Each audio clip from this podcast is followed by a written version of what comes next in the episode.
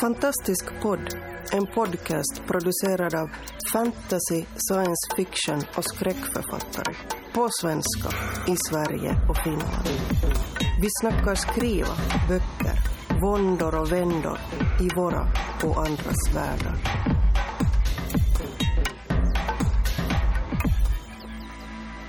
Hej!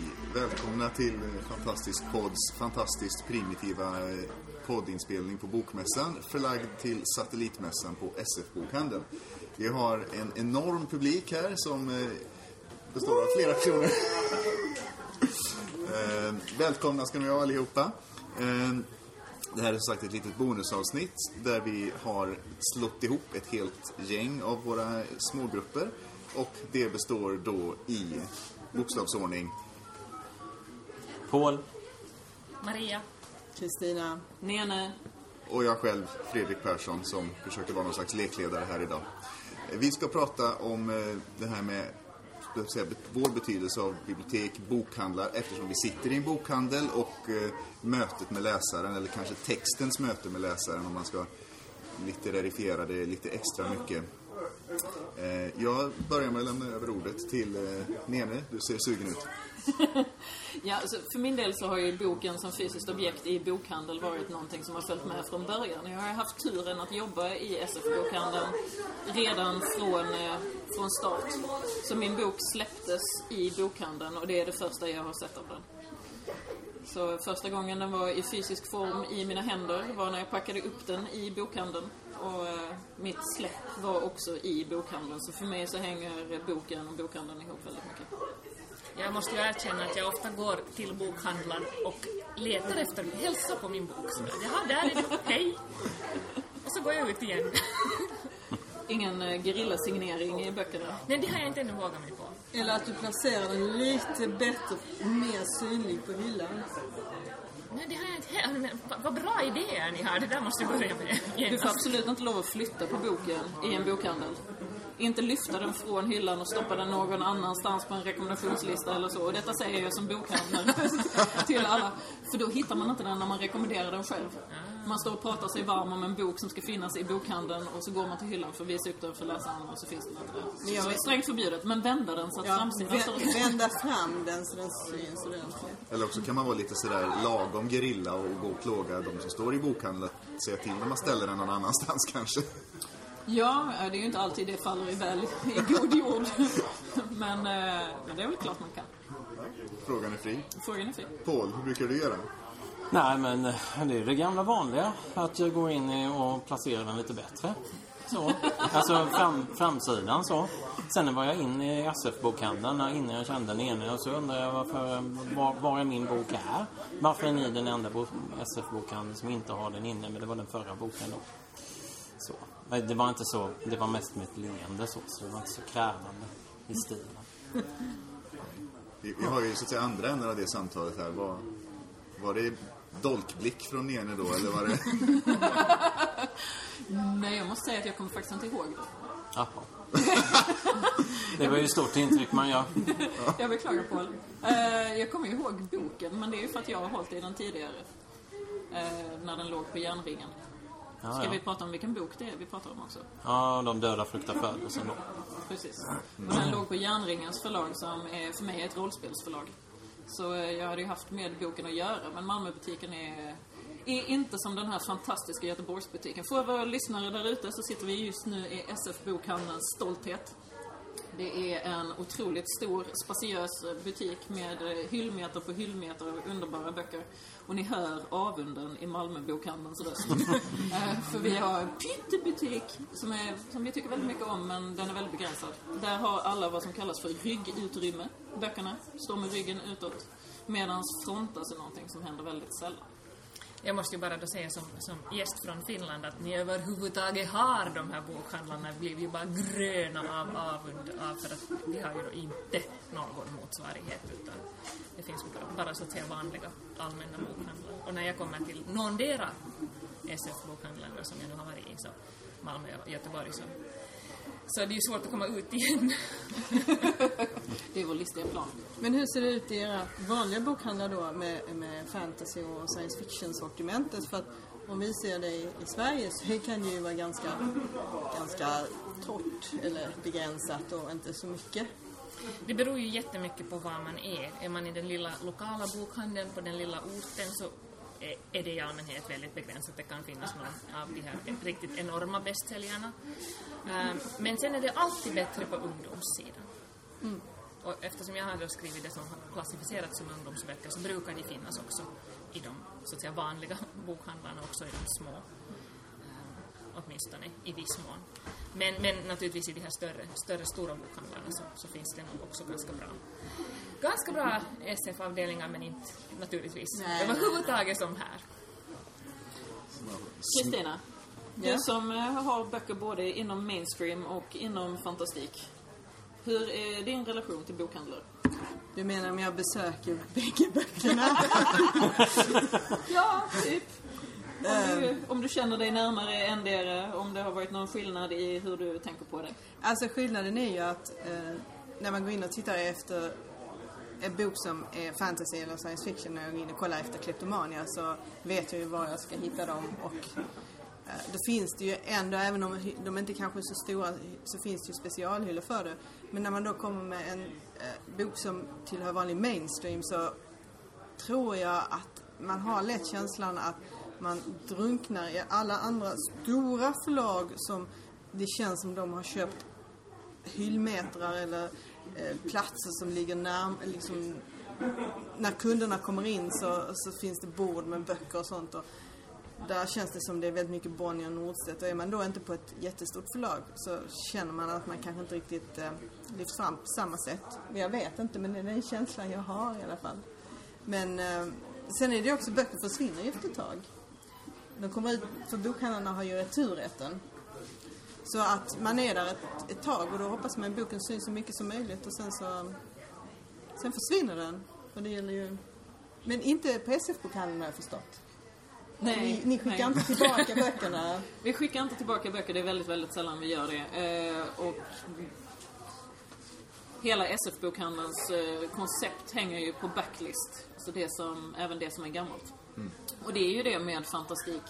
Att fantastikläsare återkommer till böcker som de är gammal, gamla, har många år på nacken, har gått ur tryck och ur cirkulation i alla vanliga bokhandlar. Men just för oss och för fantastikläsare i Sverige så är det ju backlisten som gäller. Därför jag tror att det är större omsättning i, i titlar när det är de andra böckerna i bokhandeln. Ja, och så finns det ju ett smalare utbud med fantastikböcker, särskilt på svenska. Vi har ju snarare problemet tvärtom, att vi önskar att eh, svenska förlag höll titlarna i tryck längre för när folk väl har hört word of mouth och är på väg att komma in och köpa boken så finns den inte att få tag på på svenska förlag längre. För den har hunnit gå ur tryck. Det är intressant. Brukar ni besöka era böcker på bibliotek också? Ja, jag har varit och klappat den i, i, i bokhandlarna ibland sådär precis som alla andra. Bibliotek, jag skulle säga att jag, jag älskar bibliotek och, och det finns en, en väldigt personlig anledning till... Ah, tack. Jag, I was told to speak up. Det finns en väldigt personlig anledning till att, till att jag gör det och, och det hänger ihop med, med eh, Trollhättans ungdomsbibliotek när jag var liten där det fanns en fantastisk bibliotekarie som liksom styrde in mig på allt det här kuliga som jag sen har fastnat i och, och hade inte hon funnits så hade jag väl, jag vet inte, spelat fotboll eller något. Eh, och, men däremot är det så Hemska att... tanke. Ja men exakt. Vilken förlust! Ja, exakt. Ja, det, vi kunde haft en ny Zlatan, eller inte. Eh, nej, det gick ännu sämre med fotbollen. Men eh, det, det jag skulle komma till var att eh, eh, jag har tyvärr lite svårt tidsmässigt att hinna till biblioteken. Så att jag får liksom kämpa mig dit och så lånar jag boken och sen så hinner jag inte läsa den. Så jag får liksom låna om den tills någon kommer och ger mig böter eller något annat. Så jag har liksom lite grann gett upp. Så jag är mest tyvärr inne i bokhandlarna trots allt. Så är det. Vad, Paul, är du... Nej, alltså jag vet inte. Det där med att hälsa på på bibliotek är ju lite tvegat. För att om den finns kvar så är den ju inte utlånad. Så det gillar jag inte. Och det kan du kolla på nätet också. Ja, det är fruktansvärt. Så går man in där på Gotland. Nej, de är inte utlånade! Aj, aj, aj, det gör ont någonstans. Du har ju eh, en bibliotekarie i din närhet Ja. dessutom. som säkert har pratat med dig om balansen mellan exemplar inne och exemplar ute. Ja, För den, den perfekta balansen av en biblioteksbok är ju när det finns exemplar på hyllan men det är en hög ruljans på boken. Ja, jo, jo. Finns den inte på hyllan så kan ju inte nästa låntagare få den. Ja, Det är sant. Då ska man helst ha ett ex mer än vad som är utlånat då. Precis. Ah, jag fattar. Precis. Och det är väldigt bra för oss. Ja. Maria, hur är det med biblioteken i Finland? Det är väl bra utom att de läggs ner hela tiden. Som det säkert är här också. Det är Små filialbibliotek stängs hela tiden. Och de får mindre anslag och kan köpa färre böcker. Men i övrigt är de jättefina och jättebra. Går du och hälsar på dina böcker i biblioteken? Det kan väl någon gång ha hänt kanske. Jag känner ingenting. Jag, jag är jättemycket på, på bibliotek, alltså jag är en jätteflitig biblioteksbesökare men jag har den här symptomet att jag lånar en massa böcker som jag aldrig hinner läsa. Jag liksom, åh den och den och den ska jag också ha och den och sen kommer jag hem. Jag, jag sa en gång, stod en gång vid, vid, vid utlåningsdisken och, med min son som då också hade liksom lånat 50 bilderböcker och jag hade lånat 20 vanliga böcker och, och det där. Jag sa att ja, ja, som vanligt så kom vi egentligen bara hit för att återlämna böcker. Vi skulle inte låna någonting. Att nu har vi en med oss halva biblioteket. Att vi har säkert, liksom, e- e- bara vi två upprätthåller lånestatistiken på det här biblioteket. Och bibliotekarien sa, det gör ingenting. det går så bra. Jo, men biblioteken är nog lysande, men att problemet är snarast det att um, eftersom mycket av det som jag vill läsa bara finns på engelska så räcker inte mitt lokalbibliotek till för att de tar inte in nästan, eller väldigt, väldigt lite som, som inte är på svenska. Digital utlåning då, man får kasta in den brandfacklan. Är det någon som har lånat några e-böcker på sitt bibliotek? nej. Nej. Nej. Okej, då lämnar vi det. Nej, det har jag faktiskt inte. Jag är inte ens säker på hur det går till. Men jag vet ju att det finns och att det är en rätt stor del av biblioteken att det är en sida som växer mycket Ja. med e-bokslån. Men eh, utan att gå in på de tråkiga siffrorna bakom alltihop så fungerar e-bokslån från bibliotek annorlunda än boklån från bibliotek. Så eh, tiden får utvisa hur det går med det. I Malmö har vi en eh, avdelning av biblioteket som heter Malmösamlingen. Och den eh, är bakom eh, glasdörrar. Och det är med alla möjliga böcker om Malmö. Så när jag hittade min bok där första gången, det var en stor händelse. Fick du gå in bakom glasdörrarna då, eller står de som ett museum? Man får prata med en bibliotekarie som öppnar dem åt en. Men min bok fanns ju naturligtvis ute i den öppna samlingen också. Men just att bli representerad i Malmösamlingen i det här speciella rummet var... eh, Det var fint. Stort. Kändes bra. Ja, absolut. På temat e-böcker då, om man ska fortsätta där lite grann, apropå boken i det fysiska rummet och så vidare. Så, men det är svårt att säga och, och med tanke på hur musiken utvecklar sig så har det glidit över där. Men är det någon som känner att e-böcker skulle på något vis kunna ja, ta en större roll? Men jag kan titta på mig själv. Eh, Jag är jätteförtjust i att läsa fysiska böcker, inget snack om det. Däremot när, det, när jag kan välja mellan en pocketbok och en e-bok så kan det faktiskt rätt ofta hända att jag tar e-boken för då sitter jag och läser den på bussen och det orkar jag inte med pocketboken. Eh, Så jag har läst massor av e-böcker på bussen och jag läste aldrig böcker på bussen förut. Eh, Hur, hur gör ni? Jag brukade ju läsa böcker på bussen förut. Jag för, försöker föreställa mig en tid då jag inte hade en bok i fickan. Jag kan knappt gå på fest utan att ha en bok med mig. Man vet ju aldrig. Man kan ju ha liksom, tråkigt på vägen dit eller hem eller Precis. något. Eh, och så mycket av det är någon slags snuttefiltskänsla i att ha en bok med sig. Men just med e-böcker så har jag ju den i telefonen istället. Alltid. Och jag gillar att ha en blandning av pappersböcker och e-böcker för att ibland orkar jag inte läsa på skärm. Eh, och ibland är det fysiska föremålet någonting som jag verkligen vill ha, vill hålla i. Får jag, Men, får jag erkänna en sak? ja visst. Jag har aldrig läst en enda e-bok. Ja, ja där ser man. Nej, vadå? Det har inte jag heller. Det är något finskt kanske. Eftersom jag är Finland, eller har finlandssvenska föräldrar. Kristina, du då? det. Med e-böcker? Alltså, jo... ehm, jag tänkte, kanske inte så mycket som jag har planerat eftersom jag inte har fått läst så mycket böcker som jag tänkte jag skulle läsa. Men just det där som du sa att man läser mycket på engelska. Så jag tycker jag att e-boken där kan vara en, man kan få den på engelska eh, snabbt. På ett annat sätt. Ja, det är klart. Så där kan jag se fördelen med e-boken. För mig är det där att läsa på skärm nog fortfarande hemskt, hemskt främmande. Ja, Jag älskar liksom den där fysiska boken. Som, som barn en gång så gick jag gitarrkurs på någon kursgård.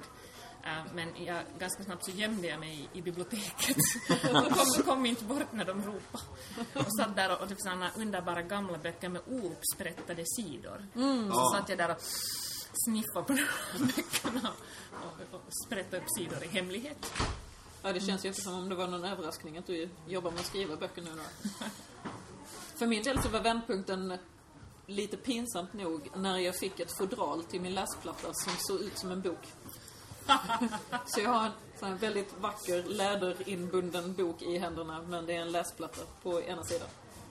Eh, och sedan dess har jag läst nästan 50-50 e-böcker, tryckta böcker.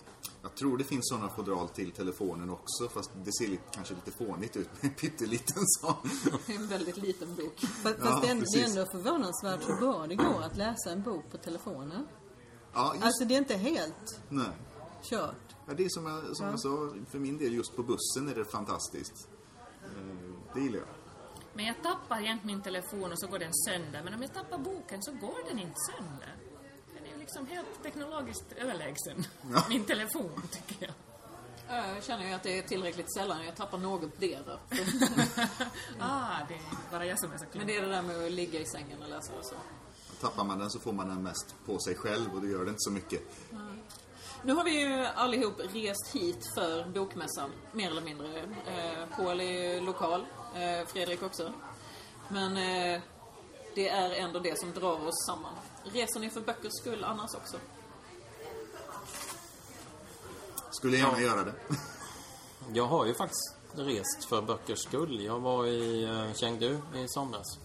Så då eh, I var Kina? vi i Kina. Det är en bra bit att resa för Ja, skull. precis. Men det var ju tillsammans med andra författare. Så vi var där och, och pratade omkring eh, bland massa kineser. På, och fick det översatt och allt möjligt.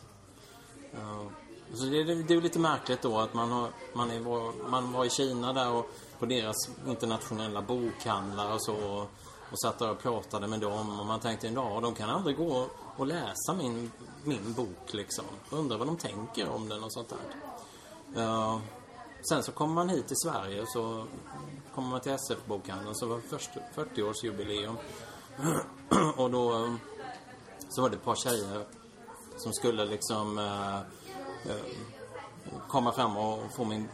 Sin, ja, den ena köpte min bok, den andra funderade på den men så frågade hon liksom Finns den på engelska?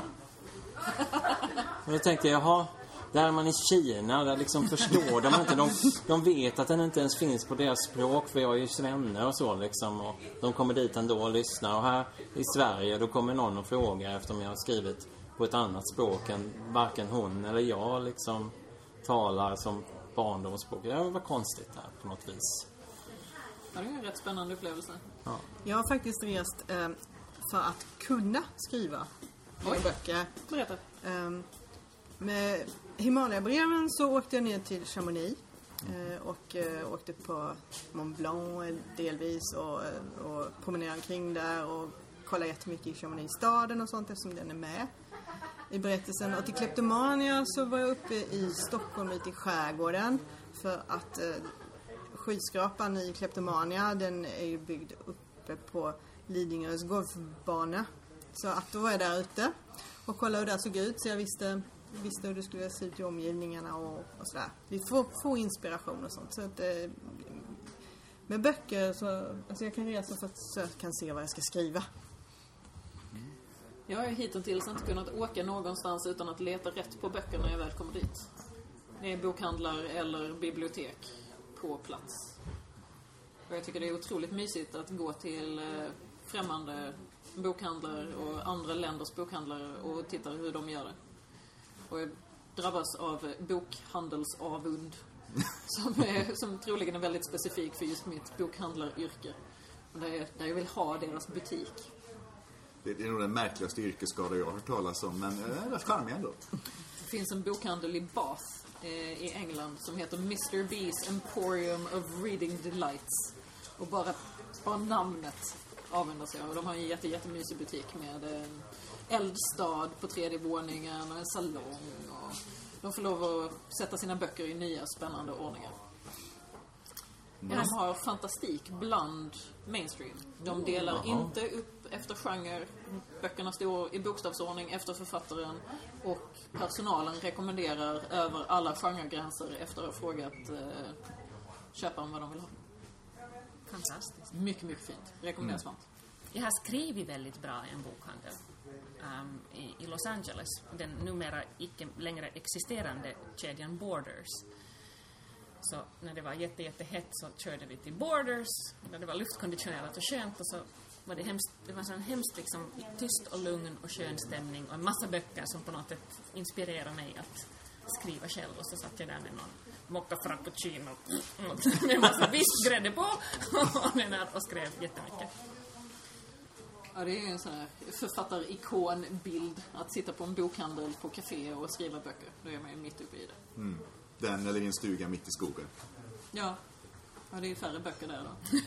Beror på hur stugan ser ut i och för sig, men... Sant, sant. Ja. Tiden. Ja, Vi har ju fördelen av att ha publik. Har vi frågor från publiken så har vi chans att ta dem också. Då får ni gärna komma lite närmare för, så micken kanske inte når ända ut till, om ni vågar. Ni frågat innan så vi har hunnit förbereda. Jag har 20 minuter på er. Nej, vad tycker ni om mässan att fantastik inte ens finns som genre? Eh, hur det ska tror vi. Jag vet Kom närmare och se det igen. Jag säger det igen. På mässan så finns ju inte fantastik, SF och skräck ens som genre. Vad ska vi göra åt det? Ja, vad vi ska göra åt det är ju en rätt stor grej. De har ju, å andra sidan, mässan för i år eh, annonserat med skräck och fantastik som eh, annonser i tidningarna. Där det står Bokmässan 30 år, eh, fantastik och skräckförfattare och så har det varit en lista på författare som finns representerade på Bokmässan. Så jag tror där är, en, eh, där är en viss förändring på gång i så fall. Men jag kan ju samtidigt tycka lite som du sa med bokhandeln där böckerna inte är sorterade enligt genre. Att måste man alltid dra de där gränserna? Det kan ju vara bra. Någon, någon ramlar i misstag över sådär. Oops, det var fantasy utan att jag märkte det. Men om man tittar på golvet så där, eh, där SF-bokhandeln har sin monter så är det ju andra eh, då förlag, serieförlag och sånt runt om så det har ju blivit en viss sorts publik som rör sig där. Så kanske att man istället hade kunnat få de förlag som har då att det samlades mer kanske på mässgolvet. Att det var en naturlig del av mässan precis som man har för reseböcker eller eh, andra specialämnen. Mm. Det finns ju på Bokmässan scener ute på mässgolvet som eh, drar in litteraturscenen, det finns deckarscenen, det finns eh, bibliotek och berättarscenen och så finns det seriescenen. Och det kan jag väl i och för sig sakna, att det inte finns ett naturligt scenutrymme för eh, fantastik eller de andra så, närliggande genrerna. Men när du säger det med liksom att det finns ett annat än deckarscen, då tänker jag ju på det här svenska deckarundret och de här sakerna. Det är ju inte så här förfärligt många år sedan som deckare var en- liksom en subgenre som man kanske helst inte skulle skriva i för det var inte så fint och, och nu, nu kryllar du av dem. Så det kanske krävs någon, någon riktig braksuccé internationellt från Sverige inom fantastik så kanske det helt plötsligt lyfts upp. Vet inte. Och där tror jag vi börjar närma oss också Ja. med John Ajvide Lindqvist som, eh, som är stor utomlands och med Engelsfors-trilogin som Ja. ju verkligen slår. Precis, så det kanske, vi ser, kanske ser ett genombrott här nu. Om, man, om två år så kanske, kanske det finns en sån scen. Det skulle jag bli väldigt glad över i alla fall. Och sen har ju jag upplevelsen, jag har ju en, igen då, en möjlighet att frottera mig med läsare av den här genren hela tiden. Så för mig är ju fantastiken är inte en liten genre som är undangömd utan det är ju hela mitt dagarbete och det är tre stycken stora fysiska bokhandlare i Sverige. Så det, det, går, det går bra för fantastiken i Sverige. Men sen ska man också tänka att just fantastiken har ju sina egna mässor. Ja, verkligen. Och eh, det har ju inte de andra genrerna i samma utsträckning. Alltså jag Om känner ens. med dem. Om ens. Ja, har vi några mer frågor från publiken? Nej, inga frågor från publiken. Publiken rister på Ja, huvudet. publiken visst. Vi är stumma av att vi har redan uttömt allt ur ämnet. Ja, Ja, eh, kära poddkamrater. Vi ska ju tillbaka till eh, Bokmässan. Det är fredag idag. Det är två dagar kvar. Har ni någonting ni ser fram emot det? Jag ska inte tillbaka till bokmä- bokmässan. Jag ska gå hem och skriva. Så. Oh, bra på. Nu har vi jättedåligt samvete. Ja, just det. Då kan vi ju inte säga någonting alls Nu längre. har Paul satt ribban. Liksom. Det, vi kommer att stå där och prata med folk och tänka varför är inte vi hemma hos Paul och skriver? Oj, oj. Nu ska vi inte överdriva här. När vi nu ändå är i Göteborg.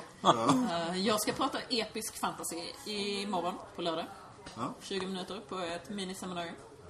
På tal om fantastik på Bokmässan. Så för er som hör det här avsnittet i efterhand så är, så är det tyvärr alldeles för sent men ni borde varit där. Men jag ska Nästa prata om uh, flickbilden i fantasy um, och det kommer de facto att bandas. Så det ska man kunna se på, heter det UR Play eller? Ja, Utbildningsradion. Ja. Play. Hett tips, Mm, kolla så in det det. kan man se också efter. Kommer, eller det, det är inte sånt att de kör nu också samtidigt? Ja, det är väl live och Ja, det är live också. Ja. Så när är det? Eh, lördag klockan 10. Okej. Och när som helst på UR Play. Urplay, precis. Eh, föredraget för, om episk fantasy kommer också till att läggas upp på Malmöbutikens blogg. SF Bok Malmö. Ja. Och med de orden så tackar vi för uppmärksamheten och tackar publiken. Och eh, tack till våra lyssnare. Ja. Thank you.